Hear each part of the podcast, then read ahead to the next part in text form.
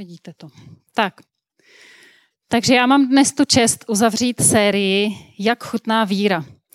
A celý měsíc se na různých jídlech snažíme právě zjistit, jaká ta víra vlastně pro nás je. A už jsme ochutnali, jestli to tady mám dobře, jo? Kávu, víno, koprovku a minulý týden i pizzu, jo? Eh, dostal jsem dotaz, jestli teda já budu mít to suši, který eh, jsme měli tam na prezentaci, tak nebudu. A já vám hned vysvětlím, proč já mám zrovna rohlík. Jo? A abych vám to jako ilustrovala, tak vám eh, řeknu takovou malinkou historku, která se právě v pátek stala u Stapu, kde jsme se s Haničkou účastnili toho Kidstownového programu. A Hanička dostala párek v rohlíku chvilku ho tak jako vokusovala, načež přišla za mnou s takovým specifickým požadavkem nebo specifickou stížností. Říkala, mami, když mě tam vadí ten párek. Takže eh, mě to hnedka asociovalo ty historky z mýho vlastního dětství, kdy jsem dováděla svoje rodiče vždycky na pokraj šílenství, protože ať se uvařilo, co se uvařilo, jo. Já jsem tak jako vždycky za těch pět minut zjistila, co mi na tom vadí, abych si šla pro suchý chleba. Jo? Takže žijeme teď v Kolíně, tak Háňa místo chleba chce Hankovcův rohlík, jo? Ale zjevně se to i dědí, že jsou pořád jako na světě lidi, kteří nejradši ze všeho mají kus suchého těsta. A Naši se mě vždycky ptali, co na tom chlebu, jako má příbuzný, jakákoliv rodinná akce. Proč to nepapáš pořád, jako jo? A já jsem si tak spokojeně kejvala nohama na židli, kousala jsem si svůj suchý chleba a bylo mi dobře. Jako Háňa. A svůj vztah k jídlu obecně bych jako neoznačila jako nějaký vřelý. Jo? A když mě Martin oslovil, jestli nechci kázat na téma, jak chutná víra, tak jsem si říkala, to bude patrně nějaký omyl. A pak jsem si ale řekla, že možná je víc takových lidí jako já. Jo. Takže věnuju dnešní kázání všem, komu od malička říkali, že málo jí, že špatně, že by měl jíst něco jiného a měl by jíst víc a říkají mu třeba nežerka jako mě nebo nějak podobně. A a kdo to má možná podobně jako já, že dodnes, když eh, ke mně na návštěvu přijede moje máma, tak jedna z našich konverzací se vždycky týká toho, že ona má nějaký problém s tím, že jako špatně jim. Takže to je taková naše ustálená konverzace dodnes. Jo? Takže chleba nebo rohlíky. Pojďme se na to dneska zkusit podívat, jakože to je takový úplně základní level. Jo? Že když někdo nejí fakt vůbec nic, tak ten rohlík si dá. A zkusme se podívat, jestli i víra má nějaký takový základní level, jestli jsou nějaké základní věci. Ale nejdřív ještě se pojďme podívat na jednu pohádku. Já jsem teda doufala, že tady bude víc dětí, že mi trochu pomůžou s pohádkou, ale budete ho to muset vzít i vy dospělí teda. A aby to nebylo všechno tady jenom na Matesovi a tady na dětech u stolu. Takže pozor, jo. Vzpomeňme si nejdřív na pohádku o pejskovi a kočičce, protože pro některý je pečivo spíš takový jako neoblíbený. Jo? Pejsek s kočičkou se jednou rozhodli, že udělají stokrát dobrý dort. A teď, co tam všechno dali? Kdo z vás mi nahodí něco? Kdo tu pohádku čet? Rohlík tam nedali. Špek, párek. Busty hodně pepřovatý, ano, tam píše pejsek. Myš, jo, asi jo. Kost nevím, čověče. Hlavu z husy, ano, výborně.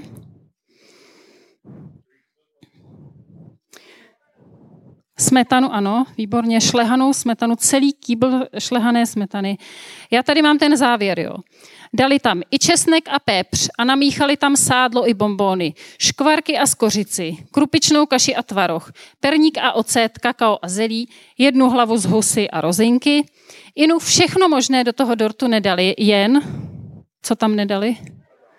jen chleba tam nedali. Protože pejskové a kočičky zrovna tu moc rádi chleba nejedí. Jo? A my dneska žijeme v době obrovského výběru. O tom už mluvil Martin Moldan ve svém kázání. A někdy jsme jako pejskové a kočičky, co se snaží si pro ten svůj život vybrat fakt takový to nejlepší. A s dobrým úmyslem jo, se snažíme v oblasti našeho těla, naší psychiky i naší spirituality najít to nejlepší a uvařit si takový stokrát dobrý dort. A někdy dopadneme jako pejsek a kočička, že se to úplně moc nedá jíst. A někdy je osvěžující a takové jako až úlevné vrátit se k něčemu, co je úplně základní. Když mluvil John Opice, že má ten společný základ a my jsme ten vršek každý jiný. Tak já dneska chci právě mluvit o tom společném základu. Co vlastně tvoří to těsto? Co je základ toho rohlíku? Ježíše se jednou ptali, co je vlastně v zákoně nejdůležitější. A on jim na to odpověděl. To všichni víte. Koho? Výborně. Ježíše se ptali, které přikázání je největší, neboli nejdůležitější. A on jim odpověděl, miluj hospodina, svého Boha, a v podstatě vyjmenoval, jak nejvíc umíš, jak nejlíp můžeš. A pak řekl, a druhé je podobné, miluj svého bližního jako sám sebe. Říká, do tohohle se dá schrnout celý zákon i proroci. Jinými slovy, tahle věta schrnuje celou Bibli. A jak moc je láska důležitá, si můžeme přečíst i v 1. Korinským ve 13. kapitole hnedka na začátku, když apoštol Pavel říká, kdybych mluvil jazyky lidskými i andělskými, ale lásku bych neměl. Jsem jenom dunící kov zvučící zvon. Kdybych měl dar proroctví, kdybych dosáhl všeho poznání, kdybych svojí vírou přenášel hory, kdybych rozdal všechno, co mám, kdybych sám dal svůj život, sám sebe dal k upálení. Tady to všechno říká, tady ty obrovské jakoby věci, říká, kdybych v tom neměl lásku, tak je to úplně k ničemu. Je to největší základ. Bez lásky je všechno ostatní úplně na nic. Život bez lásky je jako pizza bez těsta nebo jako bramborový salát bez brambor. Něco, co prostě nedává smysl, co ztrácí svoji podstatu. Milovat Boha a milovat lidi to není něco, na co bychom potřebovali nějakou příručku nebo vysokou školu. Jak tady říkal Martin, láska je velmi praktická. Jo? A když chceme někomu prokázat lásku, pravděpodobně budeme mít nějaký nápad. Jo? Je to jednoduchý. A ani pán Bůh to nemyslel nějak složitě. V Izajáši 35.8, když mluví jakoby o budoucnosti, jakou má naplánovanou pro lidstvo, tak říká, bude tam silnice a cesta a ta se bude nazývat svatou cestou. Kdo půjde po této cestě, nezabloudí, i kdyby to byli pošetilci. A on vlastně říká, láska je jako cesta, na který všichni jsme a na který nejde zabloudit. Pošetilci to je takové jako biblický eufemismus pro pitomce. Jo? Takže i kdyby člověk nebyl úplně nejchytřejší, tak pán Bůh říká, můžeš milovat. To je dostupný, dosažitelný, to není závislý na tvých schopnostech, na tvém IQ, na tvý finanční situaci, na ničem. Každý z nás může milovat. A o lásce by se dalo vykládat celé dny a už hodně toho bylo sepsáno a řečeno. A já se chci dneska jenom uh, podívat na jeden verš, který mě oslovil v poslední době. Je z přísloví 10.12 a říká, nenávist vyvolává sváry, kdežto láska přikrývá všechna přestoupení. Já se totiž nemůžu zbavit dojmu, že dnes je populární chovat se spíš opačně. Odkrývat ta přestoupení druhých a ještě na ně zaměřit nějaký reflektor. Jako jo, s takovým argumentem, někdo mu to přece musí říct, jak je špatný, aby se polepšil. A kdysi dávno, to jsme ještě bydleli ve Vansdorfu, a k večeru na návštěvu k nám byl ohlášen jeden mladý muž. On nebyl úplně vzorný, jo? až bych řekla, že měl takovou jako pohnutou historii, eh, nechoval se moc dobře. A teď asi 30 minut předtím, než měl dorazit, mi volal ještě jiný člověk a říkal mi vlastně velmi čerstvý příběh, kdy ten, tento mladík nedlouho předtím se zachoval velmi nehezky. A já jsem se strašně rozčílila vnitřně. Já jsem si říkala, té, teď jsme s ním o tom mluvili. Přesně uděláš všechny ty věci, aby se tohle nestalo. On ti to všechno takhle odkejve, pak jde a přesně to udělá. Jako. Hrozně jsem se naštvala. Tak jsem volala Martinovi, říkám, Martin nebyl doma, říkám, musíš přijít včas. Já mu nechci otevřít. Já jsem tak naštvaná. Tak hrozně naštvaná. Říká, musíš přijít včas. No, nevyšlo to. Znáte to, někdy se stane, že ti, kteří měli přijít, nepřišli a zazvonil zvonek. A teď já jsem šla k těm dveřím. V srdce mi bušilo, já jsem byla fakt v steky, skoro bez sebe, jako jo. A říká jsem si, ty já teď otevřu a co se stane, jako jo. A otevřela jsem, teď tam, on tam stál, koukal a mě najednou napadla taková myšlenka. A já jsem naprosto přesvědčená, že to byl pán Bůh, kdo mě jakoby oslovil a dal mi nápad, zeptej se ho, co dneska jedl. Tak jsem říká, co jsi dneska jedl? A on, no vlastně nic. A já jsem najednou uviděla, že to je všechno jinak. Jo?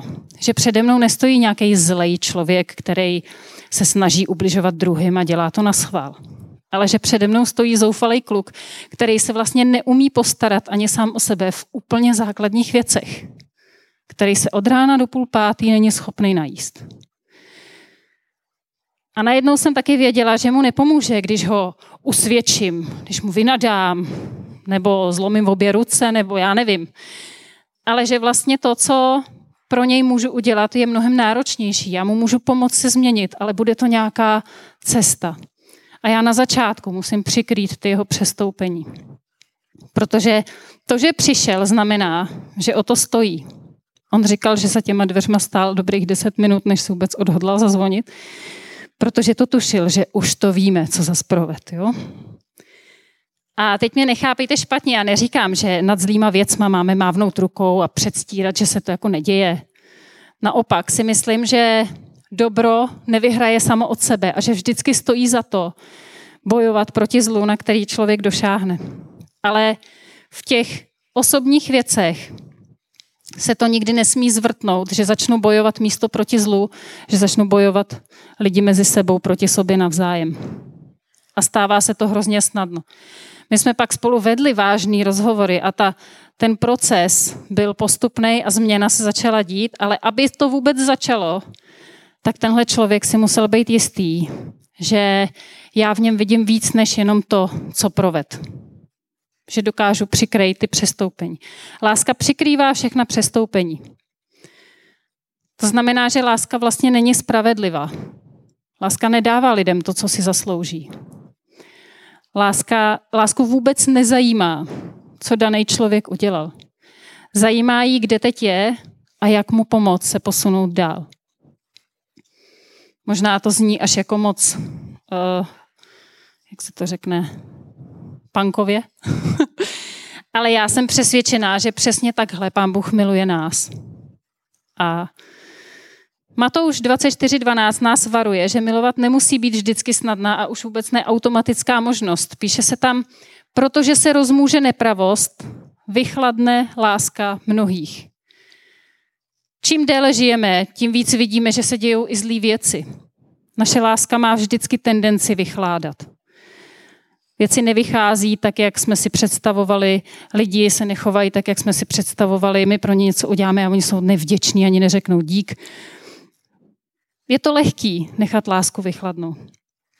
A dokonce, když ještě žijeme teď v tom prostředí, kde to odkrývání něčích přestoupení je do určitý míry normou, tak pak si to možná ani neuvědomujeme, jak je to snadný. Možná přestaneme dokonce chtít přikrývat něčí přestoupení. Už to mám dost, jako už jsem došel na konec svých limitů.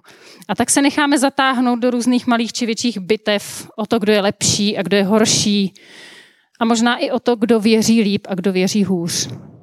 Tyhle bitvy mě strašně mrzí. A je mi smutno z toho, jak, jsou, jak se vedou současné diskuze. Nejdřív se vedly diskuze o covidu, teď se vedou diskuze o očkování. A já vidím spoustu, spoustu vychladlý lásky. A není mi z toho hezky. Rabín Sachs píše, že když se koukneme úplně na začátek Bible, když Kain zabil Ábela, takže tenhle příběh nás mimo jiné varuje před tím, jak tragický a dlouhodobý následky má jakékoliv násilí ve jménu víry. Ten příběh je o tom, že jeden bratr zabil druhýho, protože ten druhý měl lepší oběť. A on potom říká, že sám za to nesl následky po celý život. Sice sám neumřel, ale tím, že byl jakoby vyloučený z toho společenství, měl na sobě jakýsi znamení, který každý poznal, tak vlastně byl odsouzený k tomu být sám. A to je jedna z nejhorších fobí, kterou prý dneska lidi mají, že budou na světě sami. Takže může to být tragický. To, že věci přestávají být jednoduchý, to, že láska má tendenci vychládat, to, že prostě život se komplikuje a uh, hůř se tomu čelí, to je běžný proces. A proto je právě někdy dobrý si říct, co je vlastně někde ve spod ten základ, co je ten úplně obyčejný rohlík. Jo?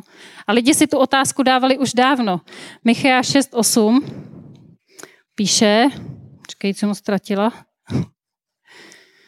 Jo, prosím vás, Michá 6.8 je tady rozstříhaný na těch stolečkách. Na jednom stolečku je modrý a na druhém zelený, eh, taková jako nápověda. Tak kdo byste si chtěli skládat Micháše 6.8, tak můžete u stolečku si tam naskládat. Na jednom je No vlastně jsou pomíchaný, to si musíte tam odlepit ty správný dát, modrý dát na modrý a zelený na zelený. Chtěla jsem to udělat víc výrazně odlišený, ale došla nám barva v tiskárně, takže máme modrý a zelený.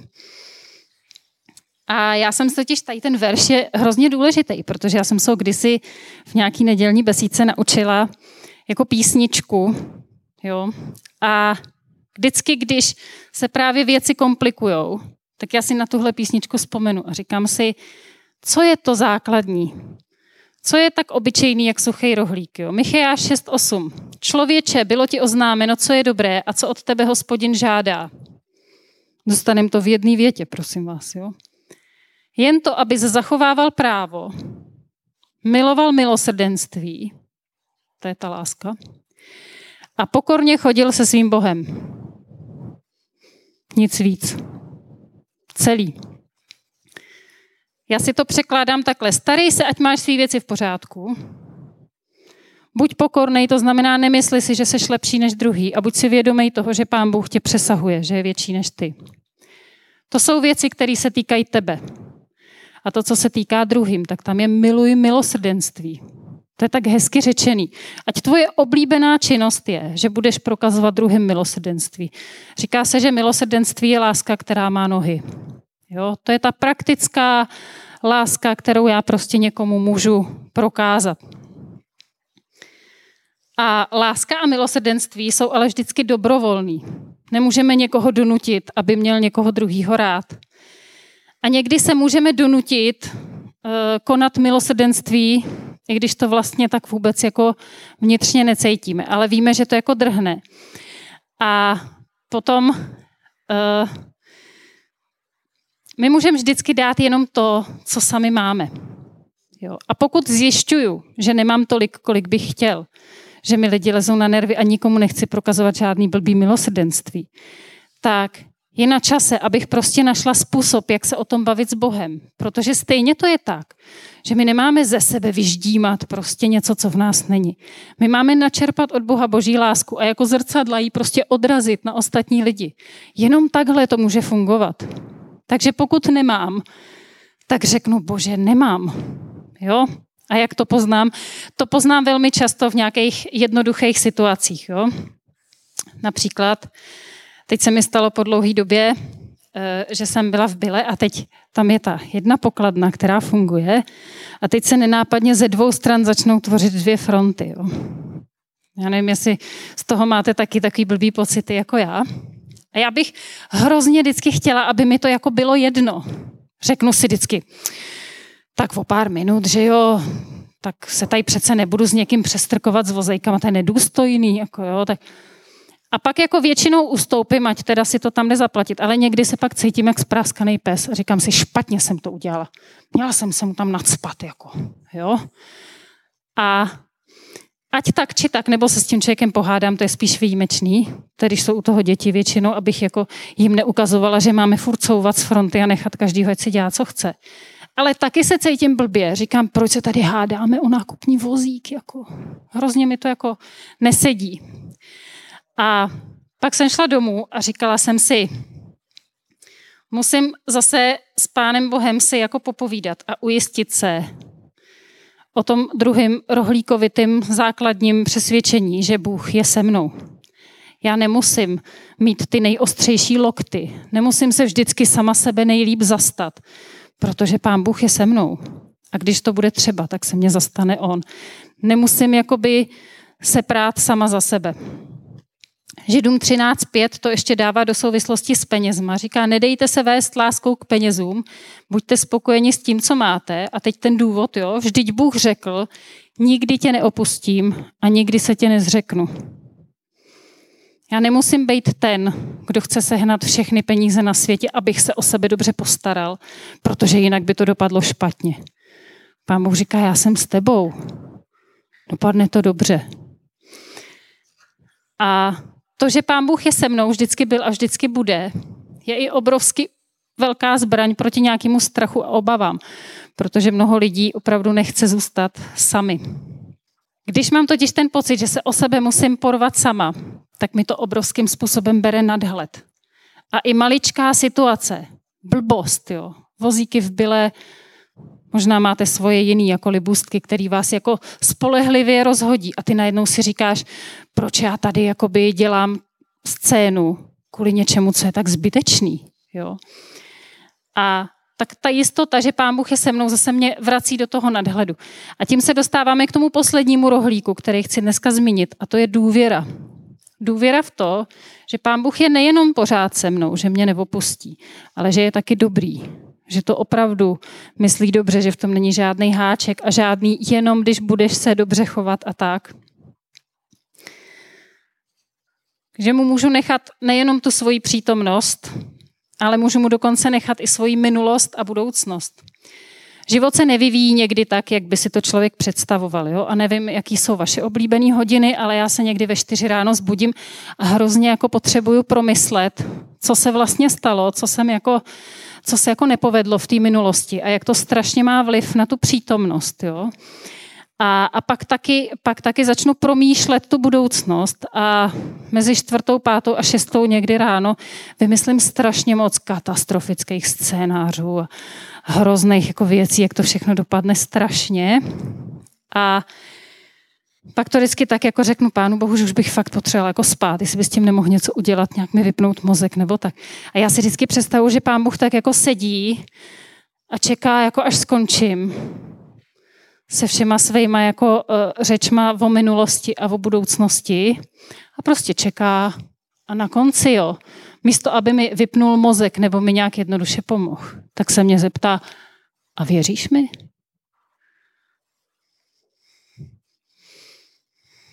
Tak ne asi, že jo. Naše minulost je v božích rukách. Pláč Jeremiášův 3.21 říká, Beru si však k srdci a s důvěrou očekávám hospodinovo milosedenství, které nepomíjí a jeho slitování jež nekončí. Obnovuje se každého rána. Tvá věrnost je nekonečná. Ať se stalo cokoliv, tak ráno se zase obnovuje boží milosedenství. To je ta láska, co má nohy, to je to, jak to je nefér, jak nedává každému to, co si zaslouží. Pán Bůh říká, nový den, nová šance. Není nutný se trvávat myslí ve své minulosti a žít ve vleku věcí, které už se staly. A nemusím se ani bát budoucnosti, tam zase máme Matouše 6.31, který říká, nemějte tedy starost a neříkejte, co budeme jíst, co budeme pít, co si budeme oblékat. A pokračuje, říká váš nebeský otec o tom všem přece ví. A uzavírá to veršem 34. Nedělejte si tedy starost o zítřek, Zítřek bude mít své starosti, protože každý den má dost vlastního trápení. A čím více mám důvěry v Boha, tím více, kromě, kromě více hodin kvalitního spánku, tak tím více jsem v klidu a nemám ty obavy. Říká se dneska, jedna z těch komplikovaných věcí. Někdy mi přijde, že těmi komplikovanými věcmi pak přijdeme na začátek na něco úplně jednoduchého. A jedna z takových těch jako složitých teorií teďka přišla s tím, že jedním z klíčů ke spokojenosti je žít v přítomnosti. Nebýt příliš v minulosti ani příliš v budoucnosti, ale takzvaně tady a teď. A když důvěřujeme Bohu, tak to je přesně ta věc, kterou on nám říká. Ne, nedělej si starosti o minulost, nedělej si starosti o budoucnost, ale buď teď a důvěřuj. Tak, blížím se k závěru. A chci se ještě na chvilku vrátit k tomu nejvíc, nejzákladnějšímu, k té lásce, která je dnes takovým rohlíkem všech rohlíků. Erich Segal, jeden můj oblíbený autor, napsal román Příběh jedné lásky a tam napsal větu Láska nikdy nemusí prosit za odpuštění. Jan píše, že kdo miluje, nehřeší. Takže to vlastně říká podobně. Kdybychom dokázali vždycky správně milovat, tak by svět byl úplně bez hříchu. Je to hrozně lehký. Je to strašně obyčejný. Jako rohlík. Jenže v životě často sklouzneme k jiným motivům. Jednáme pod tíhou výčitek, jednáme ze strachu, nebo naopak třeba s, s pocitem vlastní nadřazenosti a nějaký píchy. A proto hřešíme. Ale naším štěstím je, že když teda za to odpuštění poprosíme, tak se nám ho dostane. Bůh nás nemá rád proto, jaký jsme, ale spíš přesto, jaký jsme. Když jsem mluvila s jedním člověkem a on byl zrovna v etapě svého života, kdy si jako uvědomoval, kolik, kolik se toho jako nepovedlo a kolik toho zkazil a tak jako rezignovaně říkal, já asi nikdy nebudu dost správnej podle Bible. A já jsem mu říkám, mám dvě zprávy, jednu špatnou a jednu dobrou. Ta špatná říká, že nikdo není správný podle Bible. Ale ta dobrá říká, že, i pán Bůh, že se pán Bůh i přesto rozhodl nás milovat. A ještě vám dlužím jednu historku, která se přímo týká Hankovcova rohlíku. Já jsem jezdila jednou týdně pracovat do Prahy a jednou jsme v kanceláři měli víc práce na ten další týden naplánovaný, věděli jsme, že se tam zdržíme díl a tak jsme si řekli, tak přivezem nějaký jídlo, pobydem spolu a tak. Tak jsem říká, super, super, tak já přivezu rohlíky od Hankovce a saláty od Fialy, ať zažijete kolín trochu, že jo. A jedna moje kolegyně, která byla pražačka, ale dřív bydlela v Kolíně, tak jo, vem rohlíky od Hankovce, prosím tě, vemi 20. Já si vemu 10 domů a 10 vemu ještě mamce na víkend. Ne. A kolega pražský na nás koukal, říká, co, jako ty z Kolína potáhneš 20 rohlíků, jo? Proč si nekupíš tamhle v Tesku? A my oba, my, my obě s tou kolegyní, ne nějakých rohlíků, Hankovcových rohlíků. A kolega prostě pořád na nás kouká a říká, jako rohlík, jako rohlík, ne. Já jsem ochutnal tolik rohlíků, je to furt stejný. Tak jsme říkali, hele, to nemá smysl vysvětlovat. Vůbec nechápeš, jako o čem se tady mluví. A tak jsem mu řekla, víš co, neskoušej to pochopit takhle z vyprávění. Dovezu rohlíky, ochutnáš, uvidíš. No, to jsem zvědavý. Tak s tím jsme se tak jako rozcházeli. Já jsem dovezla ty rohlíky, teď jsme tam měli nějakou práci. Rohlíky tam ležely připravený, nenačatý ještě. A ten kolega furt kolem mě chodil, furt tak jako na ně, jako co na nich je. Prostě rohlíky ne. A trousil takový různý poznámky, jako proč tady blázníte prostě kvůli rohlíkům. A pak teda nadešel čas, hodina hájo, a on ochutnal.